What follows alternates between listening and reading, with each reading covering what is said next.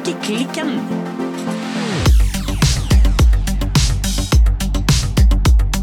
Hallo, Birtemor. Oi, oi, oi. Hallo, Silje. Ja, det var sånn jeg følte meg i dag. Ja.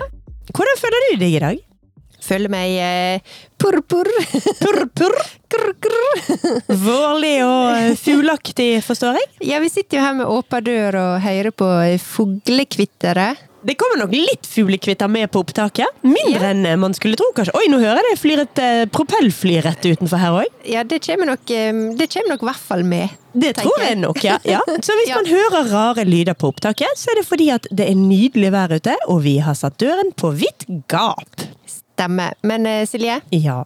hva strikker du på i dag? Nei, det er pledd, altså! Det er pledd det går i. eh, aftenstrikk og raumapleddet som eh, fremdeles eh, strikkes i vei på. Ja, men jeg så noe på Instagram. Ja. Du hadde fått noen eh, knæsje, knæsje farger i, eh, i posten din, Ja! tror jeg. ja, det Ja. stemmer! Det kom i posten. Nei, altså det hele begynte med når vi snakket forrige uke om eh, Instagram-influenseren Rokokos. Ja.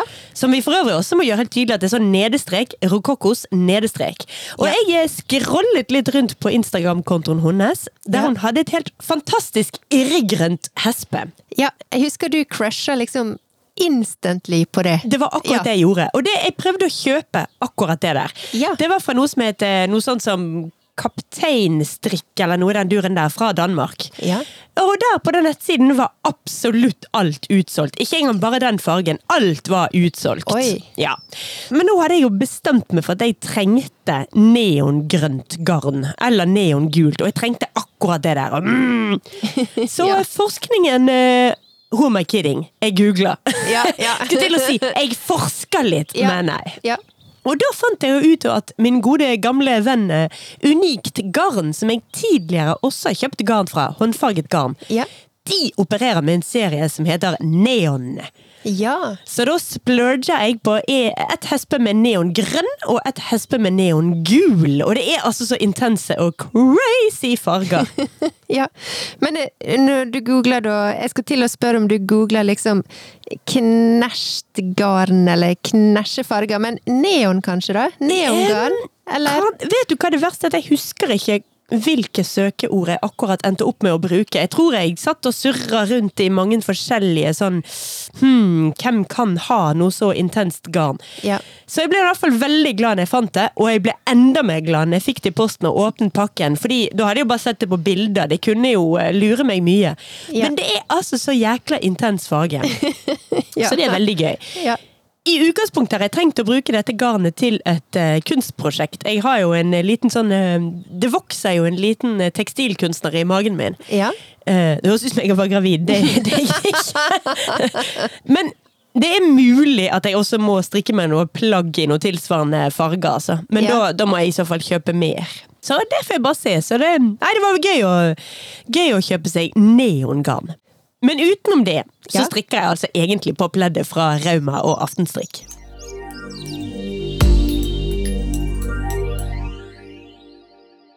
Enn du, Birte? Hva strikker du på?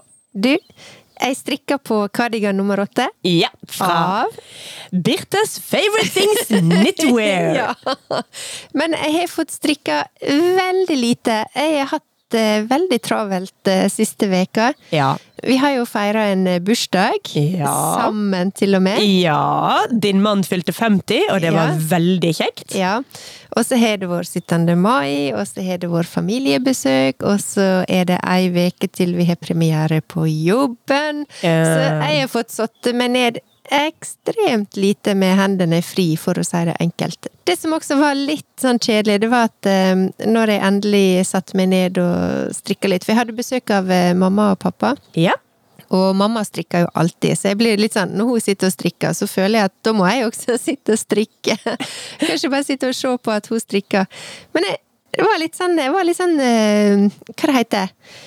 Rusten i strikkinga. Jeg fikk litt lukt i armene. Å nei, ikke begynn med det igjen. Nei, så jeg må liksom mm, Jeg må løse opp i skuldrene og finne strikkestillinga, og så Og så skal jeg liksom finne farta på denne her cardigan nummer åtte. Ja, det er kjipt. det. Altså, Jeg har også ganske vondt i armer og skuldre for tiden, men det har ingenting med strikking å gjøre. Det er fordi det er det fordømte regnskapet som må inn nå. Så jeg har Ja. sittet i dagevis med datamaskin og eh, mapper og utskrifter og kranglet med printeren min og prøvd å huske forskjell på debit og kreditt og eh, Ja. bilagsnummerering. Ja. Så for meg fungerer strikking helt motsatt. da. Altså Når jeg har vondt i skuldrene, så får jeg mye mindre vondt når jeg liksom Nei, nå setter jeg meg ned i kvarter og strikker. Da, Ja.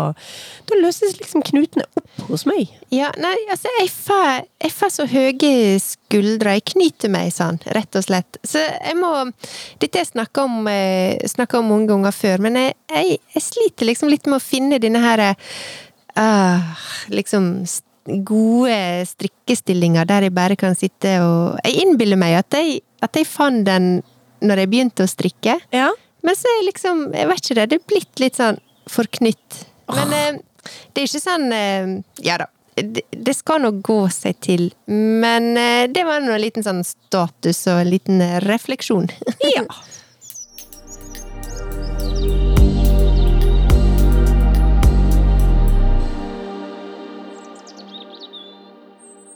I dag så skal vi faktisk snakke om Pers bok. Ja. Ja, Vi skal snakke om en, en norsk helt. det skal vi absolutt. Og jeg fikk eh, denne ideen for at i forrige episode når vi snakka om fanakofta, så snakka vi litt om forskjellige typer kofter, og jeg kunne si at jeg var ikke så glad i alle typer kofter, for det blir litt sånn 80s for meg. Litt sånn skarpt uttrykk. Det det liksom eh, surra og gikk litt eh, i hodet mitt eh, etterpå.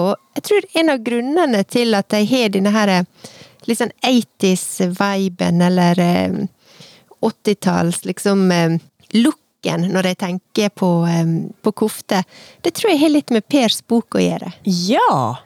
Så jeg var litt sånn Hm, vi må jo faktisk snakke om Pers bok. Det må vi absolutt. Fordi at Per Spook og, Altså, han heter jo selvfølgelig Per Spook, men Spook skrives med to o-er, og det er Ja. veldig fristende å si spook. Spook? Jeg kommer sikkert til å gjøre det flere ganger i løpet av denne episoden. Men altså, Per Spook han er jo rett og slett Norges fremste motedesigner gjennom tidene. Han er det, og når, vi liksom, når jeg liksom bare tenkte på liksom Vi må snakke om Per Spook, så var det litt sånn «Hå! Men hvorfor i alle dager har ikke vi gjort det før? Nei. Det er på høy tid. Det er, det er virkelig på høy tid. Vi Ja. vi er litt på ettertid med å ta opp Pers Per Ja. Spook-tråden. Vi er fast det. Altså, Pers bok er jo egentlig mest kjent som en håper å si, generell motedesigner. Men i Norge så er nok denne her Spook-genseren, som ble tegnet til Den norske Husflidsforenings 90-jubileum i 1981, det er den aller mest kjente. Og det er jo vel også den genseren som gjør at vi i strikkeklikken Ja. har lyst til å snakke om Pers bok. Ja, for at den genseren, det er jo en strikkegenser. Det er en strikkegenser, og den er ikke bare solgt som et ferdig produkt, den er også solgt som et mønster. Ja. Så det er strikke, en strikkegenser også for hjemmestrikk. Det er det. Men la oss spole litt tilbake igjen. Eh, Ja. La oss ta det fra begynnelsen. Vi må jo det. Ja. For at eh, sper... Sper... Sperpok? Kan vi kalle han Sperpok? Pers bok, han eh, var faktisk født i 1939. Ja, og litt kjapp hoderegning. eh, ja. Sier jo da at han er mm, øh, mm, Og 82! Ja. Foreløpig. Ja. Han er født i Oslo, og han er jo da en, altså en norsk moteskaper og klesdesigner som arbeider i Paris. Jeg tror faktisk han bor i Paris. Han gjorde det i hvert fall veldig lenge, også etter at han på en måte ikke jobba som motedesigner der lenger. Ja, nei, jeg skal ikke si for mye om hvor han bor nå. Eh, Men altså, han begynte i hvert fall veldig veldig tidlig å jobbe med ja, nål og tråd og forming av klær. Da holdt han på med dette i mammaen sin, sin eh, systue.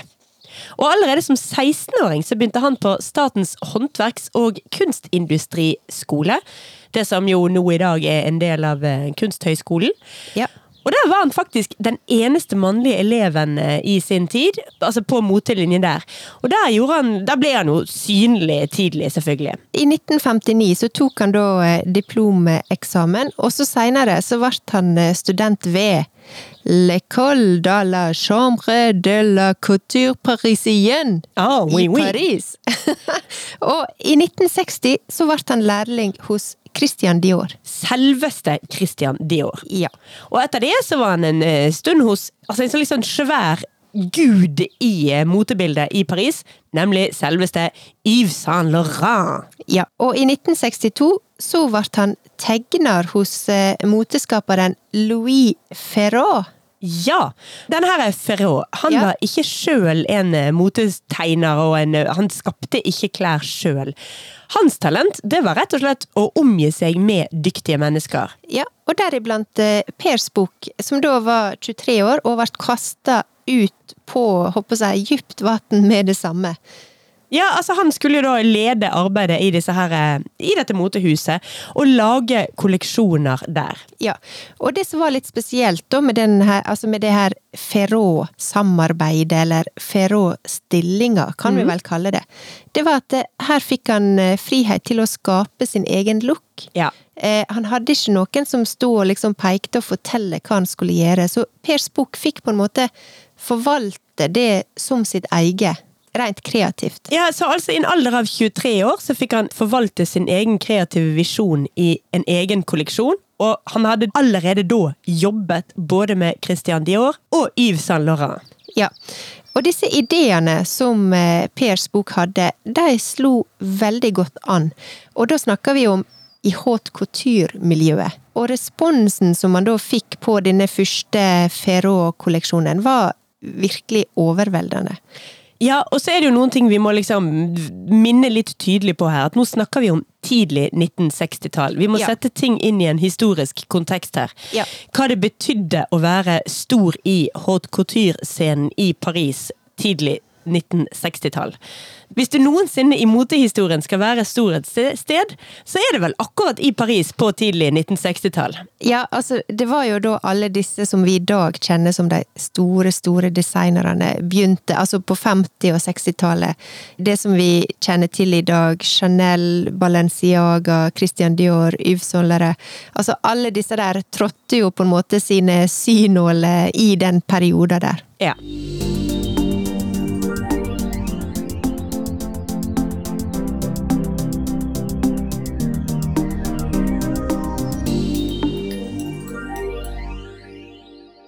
Det hang nok litt sammen med at eh, Pers bok var nordmann, som gjorde at han liksom fra første stund ble ansett for å være litt annerledes i motebildet i Paris på denne tiden.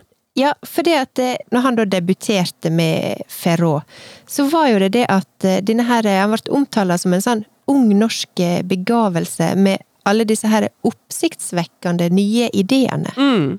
Det var eksentrisk og litt eksotisk at han kom fra Norge, og at han istedenfor å liksom skjule annerledesheten sin, så fremhevet han den og dyrket, i hvert fall på et slags vis, det norske i designene sine. Ja, det at eh, Pers bok var nordmann, det gjorde jo at han fra liksom dag én var annerledes i det parisiske motemiljøet. Og Pers bok, han var, han var virkelig god i å liksom bruke dette her norske til sin fordel. Så det ble en veldig sånn viktig del av eh, hans sin profil, både sånn kreativt sett, men også, også PR-messig. Og han lot seg eh, inspirere av norsk tradisjon og håndverk. Ja. Og han introduserte liksom luksusstrikkeplagg, for at strikkeplagg, det var ikke Det var hverdagslig. Eh, og det var ikke noe som disse her parisiske damene brukte å gå med. I Norge hadde jo vi en helt annen tradisjon for det. Men disse luksusstrikkeplagga som han introduserte, de var levert av norske strikkersker. Og de hadde da eh, var basert på litt sånn, eller laust, mer eller mindre fritt basert på tradisjonsmønstre. Ja, jeg tenker vi kan si inspirert av norsk Ja. tradisjonsstrikk. Ja. Ikke det, det er på ingen måte liksom hentet direkte. Nei. For Pers bok har utvilsomt sin egen flair, sin egen smak, sin egen eh, vri på eh, de klassiske koftene. Men ja, det er inspirert av noe norsk og nordisk. Absolutt. Og han hadde også antrekk som var inspirert av eh, samedrakter, med utskrådde skjørt og kroklisser. Og disse vakte jo stor oppsikt. Ja. En annen ting som var spesielt med Pers bok, og som gjorde at han utmerka seg, det var jo det at han ville bryte med denne her dukkefiguren som franske kvinner var på den tida. Ja, man må jo se for seg virkelig sånn eh, En parisisk liten snelle på 60-tallet her nå. sant? Vi er på Ja. små hatter, trange liv, hansker. Eh, altså det er litt sånn stereotyp, søt, snelleaktig eh, liten tuppe i ikke spesielt praktiske plagg. Nei, og Pers bok eh, Han har sjøl sagt at eh, da han kom til Paris, så var kvinna en figur som skulle representere mannen. Mannen tok henne med til motehuset, bestemte hvordan hun skulle kle seg, og så betalte. Er det sånn jeg lever? Ja. Men dette ville Pers bok vekk ifra. Så han bygde opp ei kundegruppe med selvstendige kvinner. Gjerne folk som drev med business sjøl, og som visste hva de ville ha. Eh, og det var det Pers bok ville gi dem. Altså behagelige, men elegante klær. Ja, og og altså i dag, i 2022, så er jo ikke dette oppsiktsvekkende. I dag forventer man jo at klærne man har på seg er behagelige. Men eh, i, i sin tid var dette helt ja, dette var ganske vilt, rett og slett. At man skulle kunne gå rundt med behagelige klær. Og at det skulle være noe fint og Kan man bruke ord da, som sexy? Med å ha på seg klær som var behagelige. Ja. I 1977 så startet Per Spook sitt eget motehus. Ja. Og det er jo der denne her velkjente logoen kommer inn i bildet også. Sant? Det er hans signatur, Per Spook. Og han har hele tiden vært veldig flink med markedsføring og gjøre seg sjøl og sitt eget varemerke tydelig. Med en gang man sier Pers bok, så ser jo jeg for meg både denne logoen og ikke minst disse her brillene han er Ja. så kjent for. De runde brillene sine. Ja. Nå eh, leste jeg et intervju hvor det visstnok viser seg at han ikke lenger trenger de brillene. Men eh, han, klar, han, sier, han sier i det intervjuet at han ikke klarer å slutte å gå med de. Nei. Jeg vil jo tro at det både handler om vane, men også det at han er så vant sjøl til at Nei, Pers bok, han, han, han skal bruke runde briller. Han skal se sånn ut. Ja. Så jeg syns det er fint at han ikke har sluttet med det, sjøl om han eh, altså ikke trenger de lenger. Nei, så vi var inne på, så ble jo altså Pers bok da kjennetegna av dette her nordiske preget og denne her ja, du kan si litt sånn enkle, anvendelige stilen, da. Eh, og det er litt sånn med, kanskje med parisiske øyne, eller franske øyne, for at sett med norske øyne, så er det også en kombinasjon av det nordiske og det franske, som også er en del av eh, hans sitt særpreg. Og han sier sjøl at eh, arbeidet hans er både enkelt og brukervennlig, men gjerne kombinert med noe som kan være både flott og raffinert. Og så er han også veldig kjent for sin forkjærlighet for svart-hvitt. Ja! Og nå er vi litt inne på denne her kofteestetikken som jeg nevnte innledningsvis. Og han sier jo også sjøl at han har alltid vært tiltrukket av dette her, altså svart og hvitt. Og det er et grafisk uttrykk som han alltid har hatt med seg. Det er veldig sterkt, men også veldig elegant. Så dette er noe som han brukte i alle kolleksjonene sine. Og han sier også at eh, han har hatt det med i alt fra Altså, han har hatt fulle kolleksjoner i svart-hvitt, eller så har det blitt manifestert i noen plagg. Men det har alltid vært med. Ja, men selv om han er veldig glad i svart og hvitt, så har han også eh, brukt eh, mange andre sterke farger også. Da gjerne i kontrast med svart og hvitt. Men for eksempel det innslagene av skarp gul, nesten litt sånn neongul, men det kan være at jeg er litt blind eh, fordi jeg er veldig glad i neongul akkurat nå. Ja. Men det er også en helhet i Pers Per Spock sitt univers. For han laget ikke bare plagg, og i hvert fall ikke bare strikkeplagg. Han eh, hadde også en lang rekke med tilbehør. Eh, Smykker og solbriller og skjerf og hatter. Og alt dette her var gjennomtenkt og fungerte sammen. For å skape en litt sånn, altså en litt sånn løs og ledig kvinnemote. Litt sånn sportsaktig. Litt sånn leisurewear-aktig. Ja. I sin tid. Nå er vi altså på 1960- og 70- og litt 80-tallet. Jo, men altså, vi har sagt det før. Altså, det norske uttrykket har betydd uh, mye for uh, Pers bok. Og det norske, det var noe sånn eksotisk uh, ikke bare for Pers bok, men også for kundene hans og moteværa generelt. Strikk måtte alltid være med i kolleksjonene hans, ellers mm. så mangla det noe. Og dette ble jo til slutt også en slags forventning fra folk. Altså strikk var en del av hans eh, signatur. Men det kom også en del sånn reaksjoner på eh, hans måte å gjøre ting på. For eksempel så eh, fikk han beskjed om at han ødela klærne med å velge lave sko. For det å ha lave sko på catwalken, det var noe helt nytt. Og også det som Altså denne her norske litt sånn eh, fritidsestetikken, som ikke bare handler om det estetiske, men også denne her behageligheten, eller brukervennligheten som vi snakker om. Det var også noe som var helt nytt for mange. Ja, det handler jo også om en grunnleggende frihet. Altså, norske kvinner har tradisjonelt, og vil jeg påstå, også den dag i dag, en større frihet enn franske kvinner i form av likestilling. Og dette speiles jo også i klær og hva man går i. Flate sko gir mer bevegelsesfrihet og mer frihet i det hele tatt. Og dette er noe Per Spook også tok med seg og introduserte da for franske motepublikum.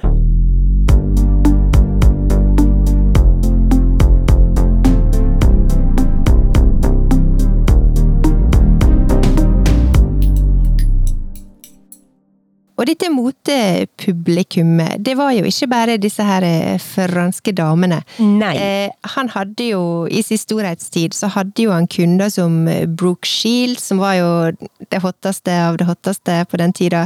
Mm. Barbara Streisand.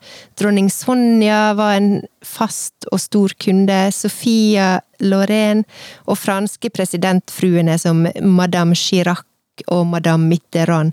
Så alle disse her eh, var liksom eh, trufaste, lojale kunder som eh, Pers bok frekventerte med. Ja, og han var jo ikke bare stor i Frankrike, han var jo også, ikke bare var, men er jo faktisk stor i Japan. Ja. Big in Japan! Yes. Du fant en litt tilbakedatert artikkel om hvor stor han egentlig er i Japan, Birte? Eller var? Ja, for at eh, selv om eh, motehuset til eh, Pers bok, altså det parisiske motehuset, sant, som det vi har snakket om hittil, ble nedlagt i 1994, så slutta Pers bok for all del ikke å designe, han slutta ikke å skape og være kreativ. Og jeg fant en artikkel fra midten av 2000-tallet, eh, og der er det akkurat som du sier, at der i Japan kan du fortsatt da få kjøpt Pers Bok-klær i Tokyo. Og der kunne du finne hele sju Spook-butikker. Alle med beste plassering og Per Spooks signatur over hele veggen. Og planen da var jo at den skulle utvide og ha over 20 spokbutikker. Jeg er litt sånn usikker på om disse lever den dag i dag, men altså, dette er ganske Dette er jo liksom 20 eh, år etter han la ned eh, motehuset sitt i Paris. Ja, nei, vi begge to prøvde å finne ut hvordan det gikk med hans, eh, ja, altså, hans Tokyo-butikker den dag i dag, altså 2022, men det var litt vanskelig å finne ut av. Nå er jo, som tidligere nevnt, eh, Per Spook blitt en mann på 82 år, så vi vil jo tro at han har satt tempoet ned litt. Grann. Men eh, her tenker jeg vi trenger litt hjelp fra alle våre japanske lyttere. Så hvis ja. noen av de kan eh, fortelle oss om hvordan det går med Per Spook-butikkene i Tokyo, så blir vi veldig glad.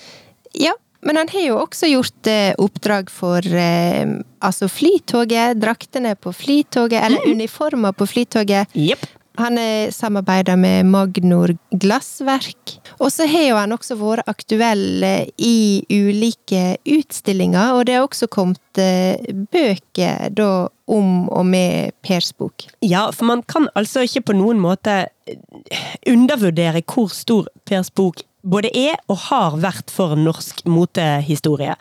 Han har jo fått, eh, faktisk fått St. Olavsorden, den fikk han i 2003. Og denne boken du snakker om, den heter altså Haute Couture 1977 til 1995. Og jeg mener, uten at jeg skal si det for bastant, at han har hatt større utstillinger i Norge som har vist hans eh, kolleksjoner opp gjennom årene også. Ja, og, så, og fra han åpna da altså sitt eget motehus i 1977 og fram til 1994, så presenterte han altså da to haute couture-kolleksjoner hvert år. Og for tre av dem så vant han da fransk motes høyeste utmerkelser, gullsynåler og gullfingerbøle. Eh, og gull, altså den her fingerbøle er liksom motebransjens eh, svar på Oscar-statuetten. Ja.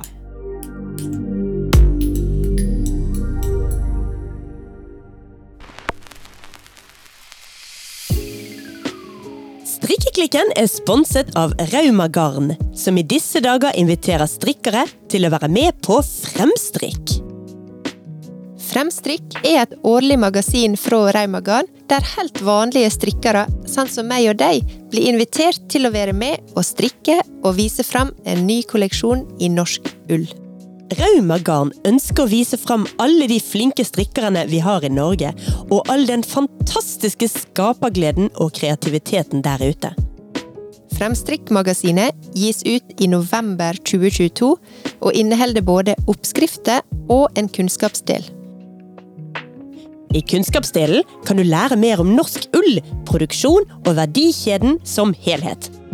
Strikkerne som blir valgt ut, vil få være med og utforske de seks ulike norske ullkvalitetene som produseres på Rauma ullvarefabrikk. Søknadsfristen for å være med på Fremstrikk er allerede 5. juni, og for å være med så sender du rett og slett en mail til raumaull.no. Husk å ha med navn, link til din Instagram-profil og adressen din. Du kan også sjekke ut ett raumagarn på Instagram eller raumagarn.no for mer informasjon. Lykke til!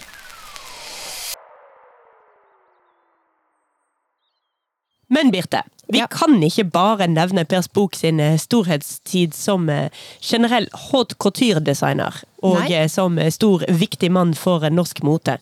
Vi må jo fokusere på selveste Spook-genseren. Ja. Den kom vel sånn, var det 81 eller noe i den duren der? 81, 80, la oss si der omkring.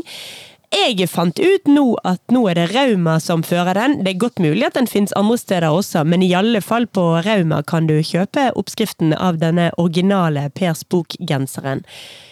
Helt originalt så skal den vel være i gult og svart, men du kan også strikke den i hvitt og svart, og det er innenfor, mener jeg.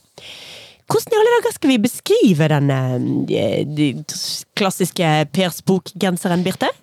Altså, den har i hvert fall en ganske sånn eh, merkverdig halsutskjæring. Ja, litt sånn firkantaktig på en eller annen måte. Litt, Ja. eh, Jeg vil nesten påstå litt sånn egyptisk eh, preget på en eller annen måte. Ja, for den skjer liksom litt sånn Går litt ned på brystkassa og rundt. Det er ikke, det er ikke round neck, og det er ikke turtleneck. Nå kom alle disse engelske uttrykka. Men er litt sånn utringa på én måte. Ja, men utringet på en firkantet og kantete måte. Ja. Hvis vi begynner å beskrive denne genseren nedenifra og opp, så er det jo gøy at den helt nederst begynner med sjakkmønster. Det Ja. er jo noe vi, eller rutemønster hvis du vil kalle det det. Det er jo noe vi kjenner igjen fra Farmakoften, som vi snakket om forrige uke. ja. Selve bolen, der er det ikke stripe Det er ikke en stripegenser, sånn som fanekoften er. Her er det et rutemønster, også her med litt sånn små eh, Det er ikke full on eh, lus, for de er større enn det. Det er liksom en doble lus. Litt Ja. forvokste lus inni. Og så er det en annen ting som er veldig spesielt, og det er at i tillegg til at halsutskjæringen, altså halsåpningen, er firkantet, så er det også et slags firkantet motiv på hele bolen. Der er jo da et mønster oppe på skuldrene, der er et mønster nede på bolen, nede på i bråtet, men det er også linjer som går ned hele veien. Så du kan si at forstykket og bakstykket av hele bolen har et slags sånn firkantet Det er en slags En- slags mønsterramme. eller- ja, en ramme var Ja. ordet jeg også ville bruke. Ja. At det er liksom en, en innramming av Du har egentlig veldig mye motiv under ermene her. Ja. Og det er jo rett og slett litt, eh, ja, litt spesielt og annerledes. Passformmessig det, det veldig presise begrepet passformmessig, Ja. så er den nok litt stor på skuldrene. Den er jo fra tidlig 80-tall. Eh, Ja. Og eh, ikke spesielt tettsittende. Den er liksom litt, litt vamsete, hvis man skal, kan, kan bruke et såpass upresist begrep også. Altså, den har, absolutt litt eh, volum, og jeg tror, sånn som du sier, denne her kom i 1981, så eh, fasongen reflekterer nok litt denne her litt sånn eh, puff, eh, puffaktige fasongen som gjerne var litt sånn eh, Ja, Ja, litt sånn breie skuldre. Litt sånn Altså, den har selvsagt ikke innsydde skulderputer, men hvis du går med skulderputer under, så tror jeg du får plass til de, faktisk. Ja. Du kan glemme Det er ingenting med raglandssnitt eller noe sånt. Nei. Den går ut på skuldrene, og skal gjøre det. Denne spokgenseren den ble jo også tegna til eh, Den norske Husflidforeninga sitt 90-årsjubileum, og da i 1981, sånn som du eh, sa i stad. Og det er en av eh, Per Spok sine kreasjoner som kanskje er den mest kjente, i hvert fall her i Norge, tror jeg. Ja, altså Jeg vet ikke hvor, om den er like kjent i utlandet. Vi har jo snakket før om at nordmenn har jo drevet med hjemmestrikk veldig lenge. Mens i utlandet, eller i landet utlandet, som er nå for dumme å gjøre om til én ting, eh, der har ikke hjemmestrikk vært like stort. Men for de fleste nordmenn så er det jo denne hjemmestrikkete Per Spook-genseren som har vært liksom det selve, selve symbolet på Per Spook. Ja. Denne Per Spook-genseren, den eh, kan jo du finne på Nasjonalmuseet. Ja. Og den ble, du kan også, sånn som ble nevnt, eh, du kan kjøpe oppskrift til den og strikke den. Det har blitt solgt mer enn 46 000 mønster av denne genseren.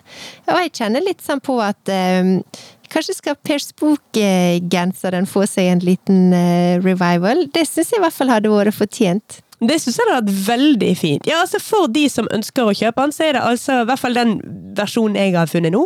Det er på Rauma. Det er genser nummer R490490. Og der, eh, Den strikkes jo da i 100% ull, men i originaloppskriften der så er den i gul og svart. Ja.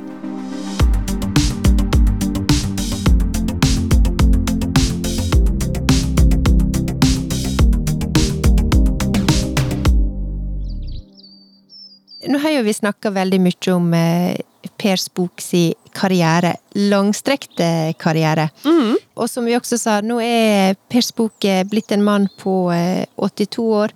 Og han reflekterer jo også litt på det her med altså denne her, altså Når vi snakker om haute couture, da er vi virkelig liksom den innerste, innerste sirkelen av mote og motehistorie, på en måte. Og den tida som han holdt på, så var det ca. 30 motehus eh, i Paris. Og de jobba veldig inni sin egen boble, veldig inni sin egen atmosfære. Og de kunne bruke Altså, hvert plagg er spesialsydd, eh, og en kunne bruke veldig lang tid på å produsere disse plagga til kundene sine. Ja, altså liksom I dag hører man jo hvor lang tid noen av disse motehusene bruker på én kjole til Met-gallaen og den slags. Men på denne tiden var det faktisk om ikke akkurat vanlig for frøken Wermansen, så i hvert fall frøken Dritrik Wermansen gikk rett og slett til motehusene og fikk sydd eh, finklærne sine. Ja, altså, det var virkelig sånn, eh, en sånn lita verden, og, haute couture er i dag eh, blitt Ja, blitt for ikke bare de rike, det er liksom super, super, duper rike. Ja. Eh, og det er veldig synd, for det at den måten å produsere på, den omtanken, det håndverket som ligger bak, det er jo en veldig bærekraftig måte å produsere på. Det tar tida ned.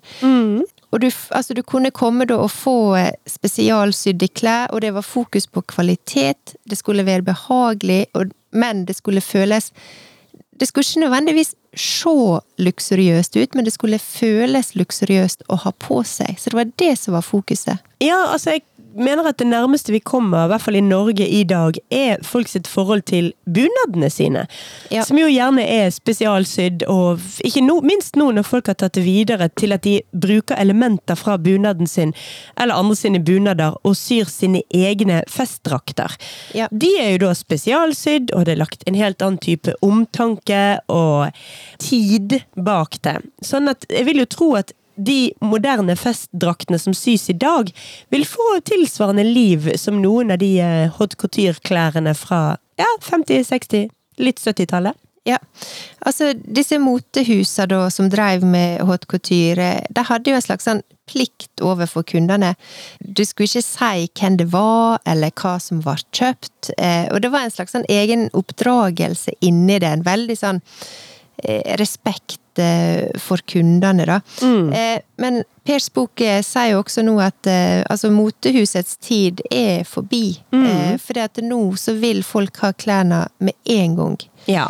Og han mener at eh, på en måte, han sier ikke nødvendigvis at luksusen er vekke, men nå er det liksom merkeklær som gjelder, og håndarbeidet er liksom forsvunnet. Ja, altså, det er jo utrolig sjeldent at folk i dag går til skreddere og får spesialsydde klær. Men eh, ja, det er kanskje det vi burde komme oss tilbake igjen til. Absolutt. Og Pers bok sier også at sjøl selv lenge etter at han slutta eh, på en måte med sitt eget motehus, så frekventerte jo han fortsatt på motevisningene. Og han kunne også se gamle kunder som eh, 15-20 år etterpå fortsatt kunne gå i eh, Pers bokklær, og det så fortsatt flawless ut. Og han sier også at spesielt strikkeplagga var han veldig overraska over at eh, de hadde holdt seg veldig godt, og så omtrent nye ut, eh, sjøl etter så lang tid.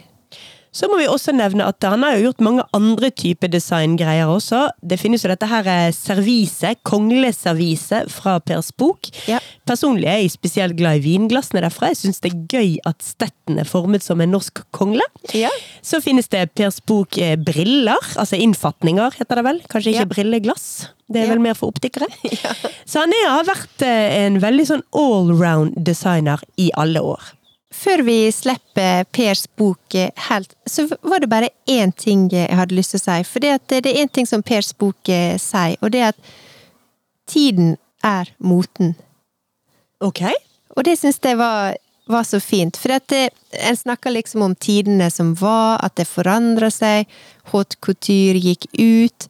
Jeg håper å si, nå går vi med, med joggebukse, og um, det var liksom noe Men det, det representerer bare en ny tid. Sånn at moter forandrer seg. Det, du kan ikke si at det var liksom en sånn storhetstid, eller det var Eller nå er vi inne i liksom lavhetstid, eller hva vi skal kalle det. For at det som skjer nå, det er det som er mota. Og det syns jeg bare var så fint eh, reflektert. Så jeg syns bare tiden er moten. Jeg syns bare vi skal la det være siste ord fra eh, Pers bok i dag.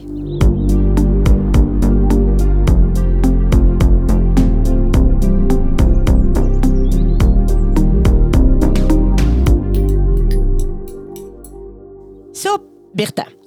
Hvis du fikk eh, en slags stiloppgave på skolen å beskrive Pers boks liv og levnad på eh, syv ord eller mindre Og jeg ber deg nå dra de syv ordene ut på null komma svisj. Nei, jeg spøker. Men eh, kort oppsummert, fortell oss om Per bok.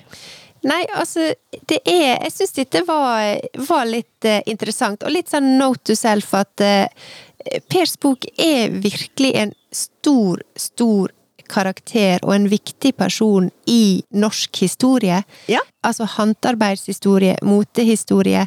Og det slår meg at eh, sikkert nok fordi at han dreiv med det han gjorde, noe så uviktig og ubetydelig som mote, så er jeg usikker på om han har fått den eh, statusen som han fortjener.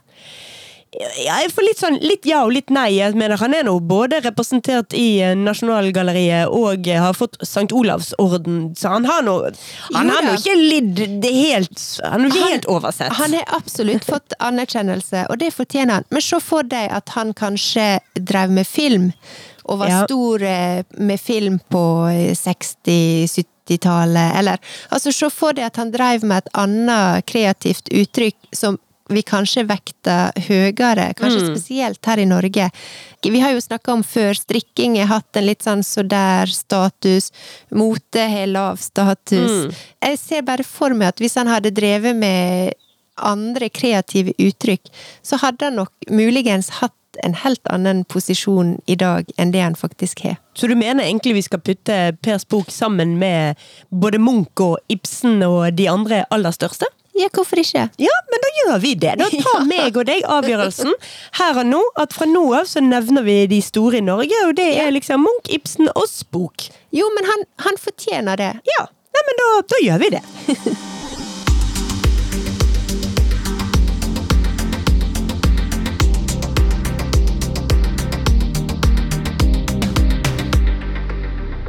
Helt på tampen i dag så har jeg faktisk lyst til å komme med noen tips. Juhu!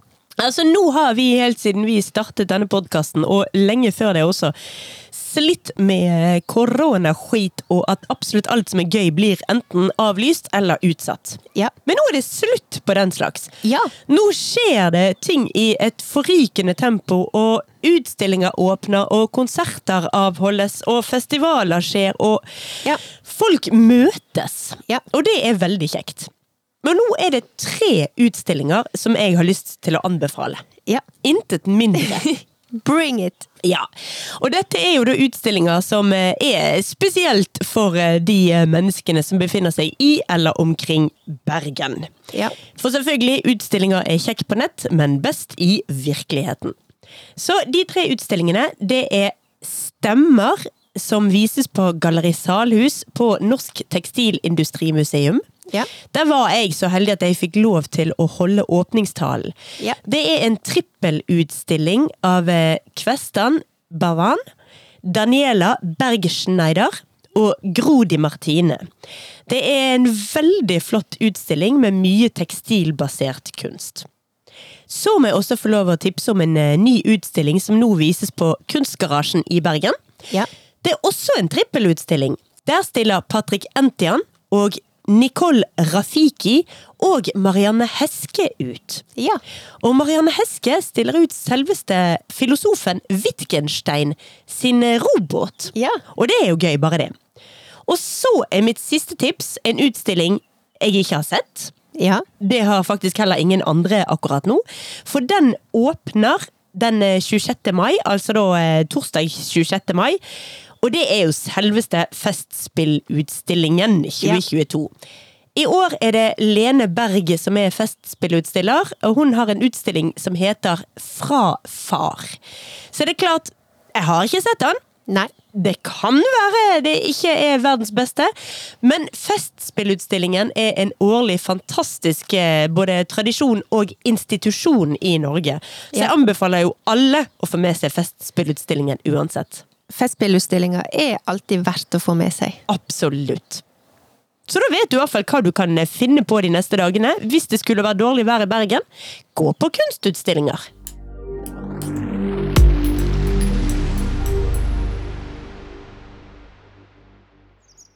Det var det vi hadde denne uken, Birte. Ja, det var det. Silje Spook. Ja. Jeg føler vi begge må sette oss ned og strikke oss spookgensere nå. Ja, altså, jeg kjenner at eh, den, eh, den pirrer nysgjerrigheten min. Ville du hatt den i svart og hvitt, eller i gult og svart? Hva tror du? Du ville hatt den i hvitt og svart, og jeg ville hatt den i gult og svart. Yes! Jeg tror du har helt rett i det. Ja, men da vet vi det. Det er så bra når ting er enkelt. Ja, det er det.